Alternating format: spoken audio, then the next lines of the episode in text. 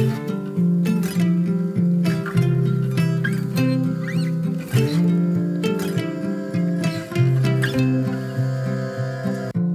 och välkommen till For Health med Anna Sparre.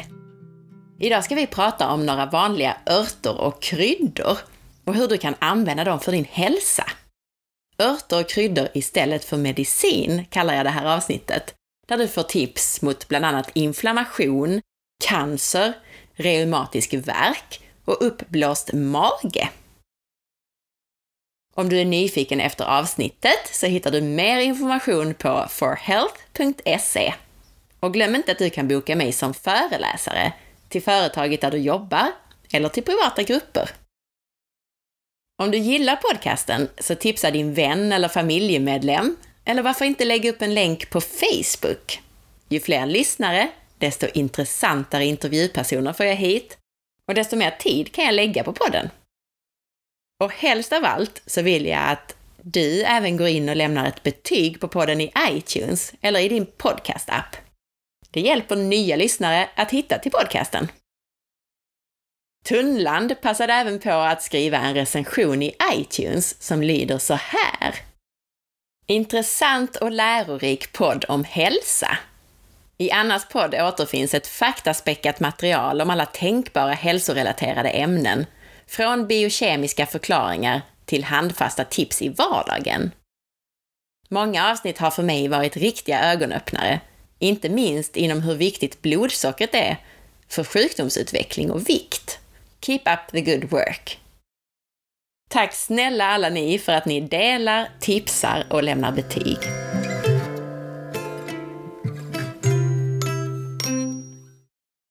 Örter och kryddor idag alltså. Jag har skrivit en del sporadiska inlägg på temat örtkunskap på forhealth.se. Och det finns en tagg där förresten som heter örter, där ni kan hitta en del av det jag säger nu och lite annat. Och jag tänkte prata lite kring just det här med örtkunskap. Idag fokuserar vi på några relativt vanliga växter som är lätta att köpa i affären eller att odla själv, även om det finns extremt mycket mer på det här ämnet, bland annat olika medicinska svampar. Och jag är absolut inte någon expert på just det, men jag vill ge dig en inblick i hur du kan använda Moder Natur istället för att poppa piller. Det blir både information om hälsoeffekterna i de olika växterna och en hel del tips på hur man kan använda dem i vardagen, alltså i maten. Och gillar ni det här ämnet så kan vi såklart göra fler avsnitt med andra örter och kryddor. I grunden ligger det alltid en bra kost med mycket näring i form av protein av god kvalitet, naturligt fett och grönsaker. Men utnyttja naturens alla smaker och fastna inte i enbart salt och pepparfällan. Alla örter, kryddor och smakrika växter ger inte bara smak utan har egenskaper som kan vara allt från antiinflammatoriska till antikancerogena eller hjälpa mot magbesvär. Så innan du poppar i dig en Ipren nästa gång, lyssna här. Jag tänkte börja att prata om kurkumin, ett ämne som finns i gurkmeja och i vanlig gul curry. Just kurkumin kommer jag att prata och skriva mer om i samband med min detox-serie av inlägg på forhealth.se, där jag beskriver kroppens avgiftningssystem. För kurkumin är väldigt bra för din avgiftningsapparat. Men gurkmeja verkar verkligen hjälpa mot det mesta, vilket du kommer att förstå snart. Gurkmeja är en gammal indisk och kinesisk medicinalväxt och tillhör ingefärsväxterna. Även du som inte är så bekant med gurkmeja har sannolikt fått i dig den via vanlig gul curry, som är en kryddblandning där den ingår. Traditionellt så har gurkmeja använts mot olika magbesvär, för matsmältningen, för levern och som stärkande medel. Men den har också en bakteriedödande effekt och används på sår. Och den verksamma substansen, det är det gula färgämnet som just heter kurkumin i gurkmeja då, och som också är en kraftig antioxidant. Idag är gurkmeja mest känd för sina antiinflammatoriska egenskaper och de senaste åren så har det kommit många intressanta studier på gurkmeja. I provrör så har kurkumin visat sig kunna minska inflammation, ta död på bakterier och bromsa cancer. Och även om en majoritet av studierna har gjorts i labb så har nu flera studier på människor visat förbättringar av många olika sjukdomar, helt biverkningsfritt. Exempelvis så har gurkmeja studerats i cancer och då ser man bra effekt vid cellförändringar i tjocktarmen, tjocktarmscancer alltså, eller förstadiet till det, där de här cellförändringarna har gått tillbaka med gurkmeja. Tillskott av gurkmeja verkar också kunna bromsa förloppet av utvecklad tjocktarmscancer. Men stora mängder krävs. Ofta testas doser om mellan 4 och 8 gram kurkumin per dag. Men som sagt, det är helt biverkningsfritt i de här studierna. Även andra cancerformer verkar antioxidanten kurkumin ha effekt på i olika studier. Och den antiinflammatoriska effekten är väl värd att ta vara på i fall av reumatism. Där är studierna tydliga. Kurkumin har mycket goda effekter, både bättre effekt och utan biverkningar jämfört med till exempel diklofenak, som normalt används som medicin hos många med reumatism. Effekten av gurkmeja på magen har bekräftats i bland annat en kontrollerad randomiserad blindstudie, alltså en studie av god kvalitet. Personer med IBS, med magsmärtor, ballongmage med mera, fick antingen gurkmejaextrakt eller placebo och gurkmejan gav bättre effekt än placebo.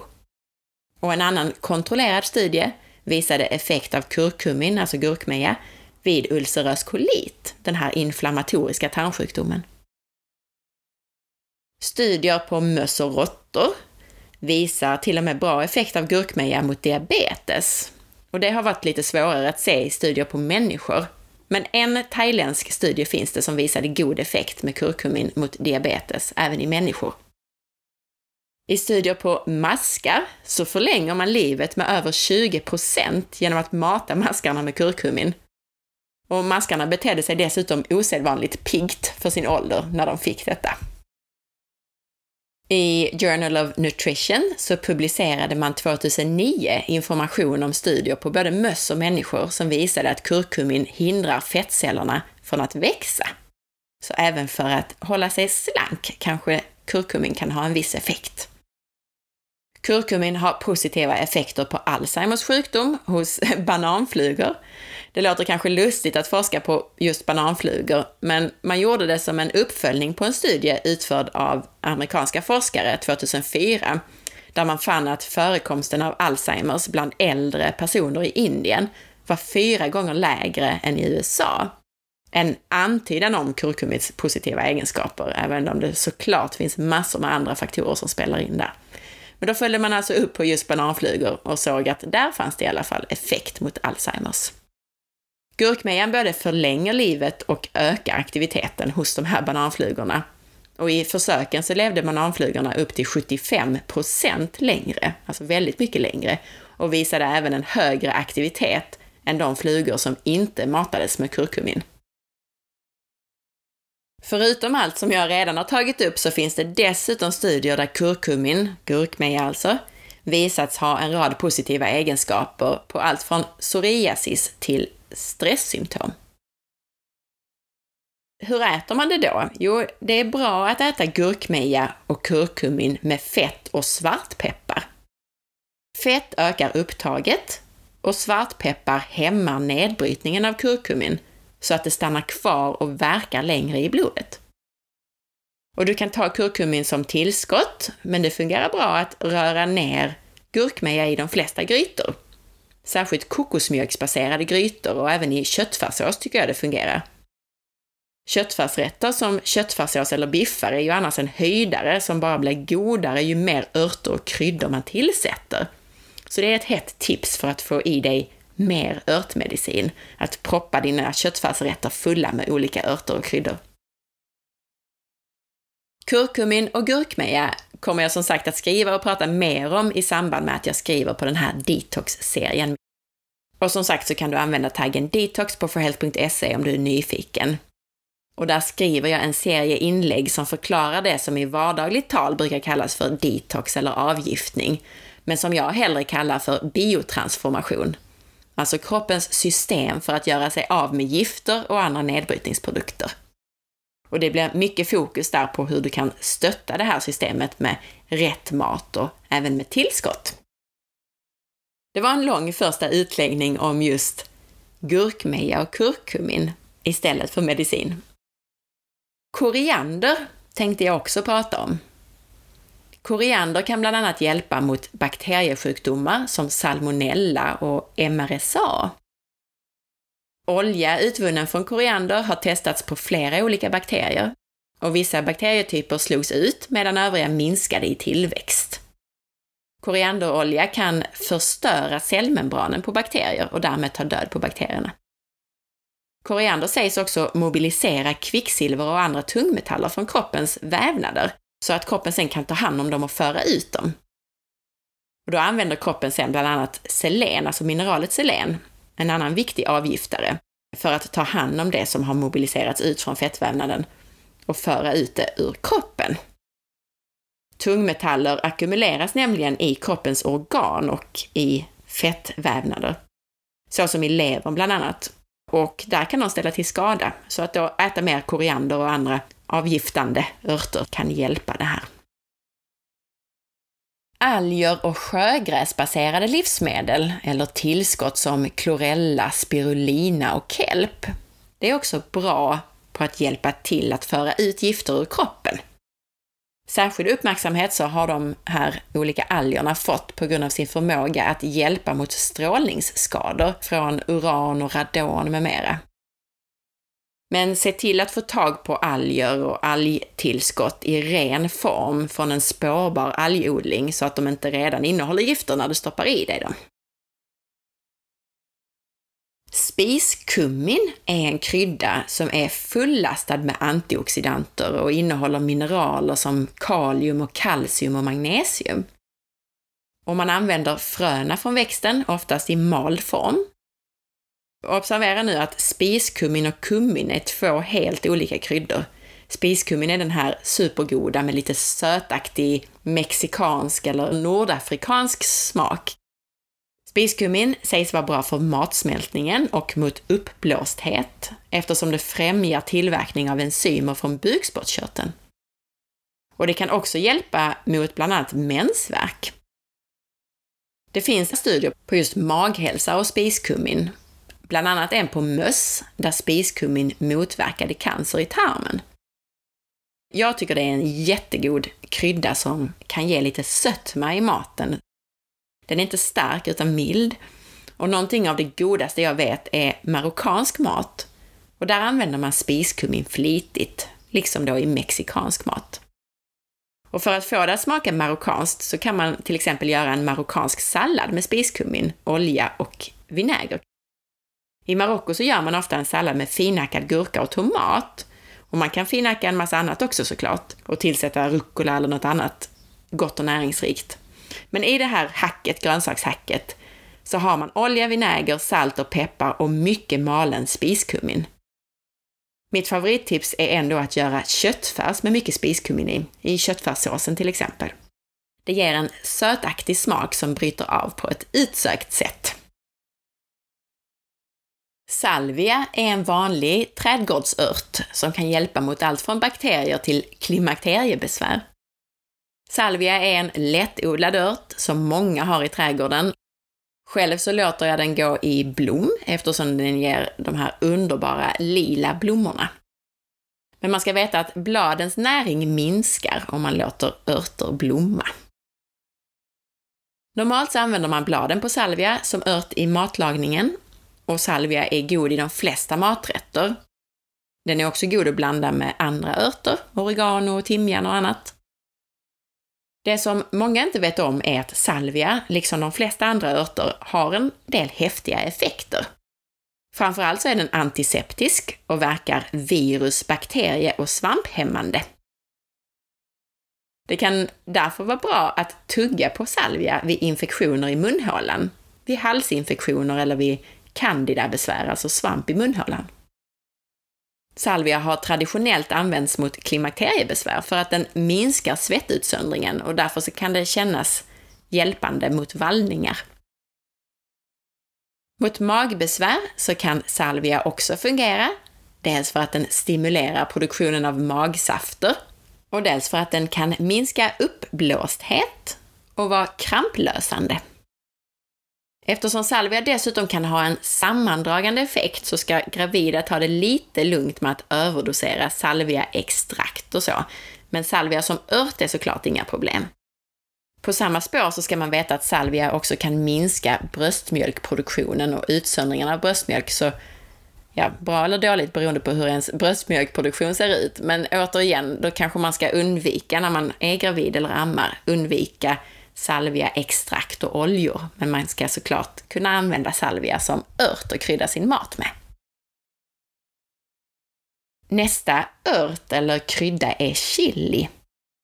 En pilotstudie från Göteborgs universitet visade att capsaicin, det som ger chili sin starka smak, kan lindra kronisk hosta. Capsaicin är ett fettlösligt, färglöst, doftlöst och vaxigt ämne som är orsaken till den här upplevda hettan hos växtarter i chilipepparsläktet. Växterna har troligen utvecklat det här ämnet som skydd mot växtätande djur och angrepp från svampar och andra mikroorganismer. Capsaicin används för att behandla både människor och djur och man kan använda det utvärtes eftersom det ökar blodgenomströmningen i det området där man sätter det. Och det gör det genom att det vidgar de ytliga kapillärerna, vilket motverkar kramp i musklerna bland annat. Och det kan också vara smärtlindrande. Vitlök är nästa krydda eller växt. I vitlök så finns det flera olika aktiva ämnen, så kallade tiosulfonater. Och de här skyddar mot mikrober, som bakterier till exempel, den viktigaste substansen av de här är allicin. Förutom att kunna motverka mikrober, som till exempel salmonella, så verkar dessutom allicinet bra eller positivt för matsmältningen. Och som många av er känner till så motverkar det också svampinfektioner. Allicin bryts ner i magsäcken och bildar då ett ämne som tros binda fria radikaler. Vitlök har även i studier visat sig ha en blodtryckssänkande effekt. Men nu till det viktiga då. För att vitlöken ska bli verksam så måste den krossas och finfördelas. För det här alicinet, det vitlöksdoftande och verksamma ämnet, det bildas först när det luktlösa alinet, som är då ett förstadie eller ett annat ämne, kommer i kontakt då med enzymet allinas när man har sönder vitlöksklyftorna. Så den här reaktionen när allicin, det verksamma ämnet, bildas, det sker när vitlökens celler skadas. Skivar du vitlöken så krossas få celler. Därmed reagerar ganska lite av det här allinet med allinas. Ju finare du hackar, desto fler celler förstörs och mer allicin sånt här verksamt ämne bildas. Och just därför så bör vitlök faktiskt pressas för att man ska få ut mest allicin och därmed även mest smak. Det här enzymet allinas, det förstörs av upphettning, så vitlöken måste pressas innan tillagning för att allicin ska hinna bildas. Och vitlöken har alltså störst effekt rå, till exempel i ett vitlökssmör, mums, Och vill man tillaga vitlöken så är det bra att låta den stå hackad 5 till 10 minuter, eller pressad då, för att mer sånt här verksamt ämne, mer allicin, ska hinna bildas. Så njut gärna av vitlök och bäst för hälsan blir det om den är pressad, mortlad och rå. Är du rädd för vitlökslukten så finns det andra örter som kan hjälpa både mot den och, och som är bra för din hälsa. För vet du om att några av de mest effektiva sätten att få bort vitlöksandedräkt på är med persilja och mynta. Två örter som du enkelt kan odla i trädgården eller handla i affären. Och dessutom som sagt supernyttigt.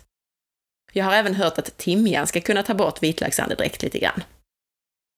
En sak som bidrar är att klorofyllet ska vara verksamt mot de svavelaktiga doftande ämnena som avges när vitlöken bryts ner i kroppen. Så därför så borde alltså även andra riktigt gröna bladgrönsaker också fungera, eftersom de också innehåller klorofyll. Teorin är också i linje med det som en del i Kina praktiserar. För i Kina så suger en del på ett grönt teblad efter att de har ätit vitlök. Andra säger att man ska ta bort mitten av vitlöksklyftan, alltså inte äta det som senare bildar själva grodden från vitlöken för att slippa mycket av lukten. Ett tips för att få i dig både mycket vitlök och andra färska och nyttiga örter. Det publicerade jag bara för någon dag sedan i ett inlägg på forhealth.se. Där använder man bland annat vitlök och sen kan man använda till exempel kirskål eller någon näringsrik ört som basilika eller koriander i en riktig immunboost. Du behöver en mörkgrön, lite kryddig bladgrönsak eller ört. Jag använder kirskål som sagt, eftersom den är fin just nu och gratis och närodlad. Men det fungerar lika bra med till exempel rucola eller koriander, eller varför inte persilja eller grönkål eller basilika. Dessutom så behöver du några klyftor vitlök, olivolja, citron eller vitvinsvinäger, ett bra salt och svartpeppar. Finhacka ingredienserna och blanda ihop med salt, peppar och rikligt med olivolja och färskpressad citron eller vitvinsvinäger. Smaka av och tillsätt mer av det du önskar. Lite grann som en pestoaktig blandning. Och supergott till allt från fisk till kyckling eller en riktigt bra korv. Ett annat bra sätt att få i sig mycket örter är att servera det som ett tillbehör, som en sallad med olja och vinäger. Mycket färska, lite mildare örter som till exempel dill, basilika, persilja och koriander passar utmärkt att göra en liten sallad, ett litet salladstillbehör. Ett annat sätt är att torka örter och använda till exempel som te. Jag brukar torka pepparmynta genom att plocka torra pepparmyntsblad, alltså när det inte har regnat, sprida ut på tidningspapper eller hänga upp på en galge till exempel i ett mörkt och torrt utrymme, som i en klädkammare. Låt ligga eller hänga där i flera dagar, men du får gärna vända runt lite bland bladen emellanåt. Och sen är det torkat och klart och så kan man använda det som te till exempel, eller i matlagningen. Och apropå att marinera sina örter med olivolja. I oliver och olivolja så finns det ett ämne som kallas för oleokantal, tror jag det uttalas. Detta ämne har en antiinflammatorisk effekt som liknar den som finns i sådana här NSAID-preparat som till exempel Ipren. Det upptäcktes, den här antiinflammatoriska effekten i olivolja, när en smakexpert som nyligen hade varit med och testat Ibuprofen, alltså den här värktabletten, eller verk, ämnet i värktabletter. Den här personen, den här mannen, hade, hade diskuterat den här skarpa upplevelsen långt bak i halsen som Ibuprofen ger.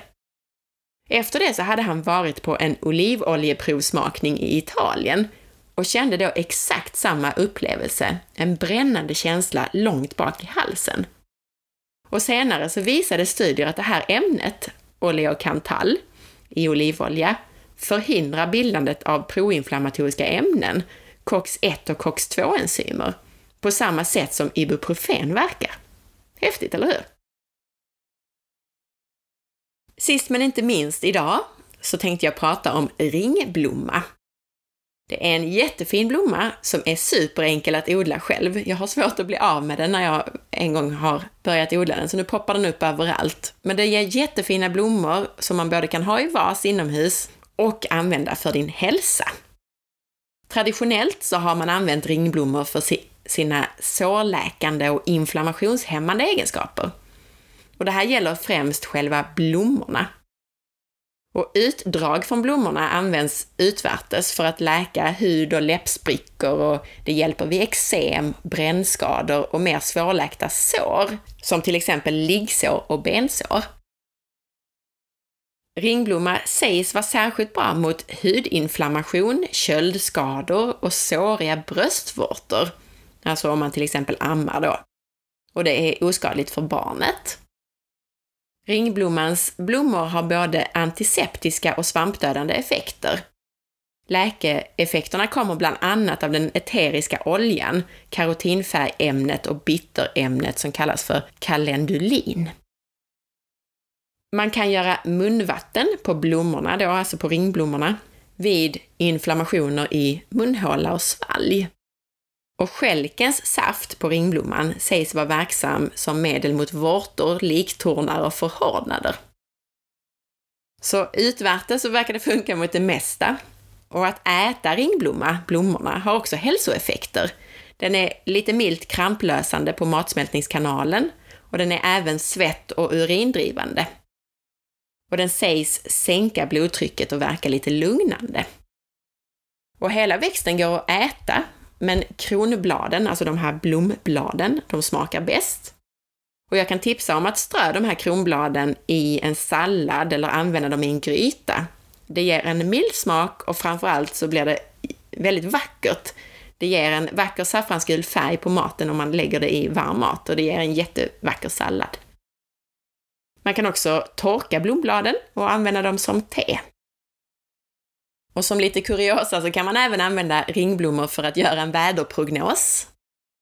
De stänger sig nämligen på kvällen och sen öppnar de sig normalt på morgonen. Och om de inte öppnar sig tidigt på morgonen, före runt åtta på morgonen kanske, så blir det väldigt mulet eller regnigt den dagen. En studie i Schweiz visade att det är först när ringblomma förenas med fett eller olja som den här sårläkande egenskapen blir riktigt effektiv. Och ett sätt att göra det här själv på, det är att göra en ringblomsolja som kan användas till mindre sår och torr eller sprucken hud. Och då behöver du en mörk glasburk, en olja, rapsolja till exempel kan man använda. Och så behöver man ringblommor. Och då fyller du en ren glasburk, helst en mörk, med kronblad från ringblomma. Och sen häller man på olja så att oljan täcker blommorna helt. Sätter på lock och så låter man den stå i ungefär tre veckor. Och sen kan man titta till den då och då och röra ner blommor som sticker upp. Och sen silar man bort bladen, alltså de här kronbladen, efter tre veckor och så häller man upp det i mörka glasburkar för att skydda den mot ljus. Och så kan man använda den på huden och på sår och sådär. Så, jag hoppas att jag inspirerat dig att använda mer örter och kryddor i din mat och inte minst att testa lite större mängder om du har något hälsobesvär. Och då kan man också köpa örtextrakt, örtoljor och kapslar med koncentrat av örterna för att på så sätt få i sig lite större mängder av de aktiva ämnena. Tack för att du lyssnade! Missa inte att följa med på facebook.com forhealth.se och på Instagram via signaturen asparre. Gå gärna in i iTunes nu och lämna ett betyg eller en recension och titta in på bloggen sen på forhealth.se för att till exempel önska intervjupersoner eller ställa frågor som du vill att jag eller en intervjuperson besvarar i podden. Ha en underbar dag! Hejdå!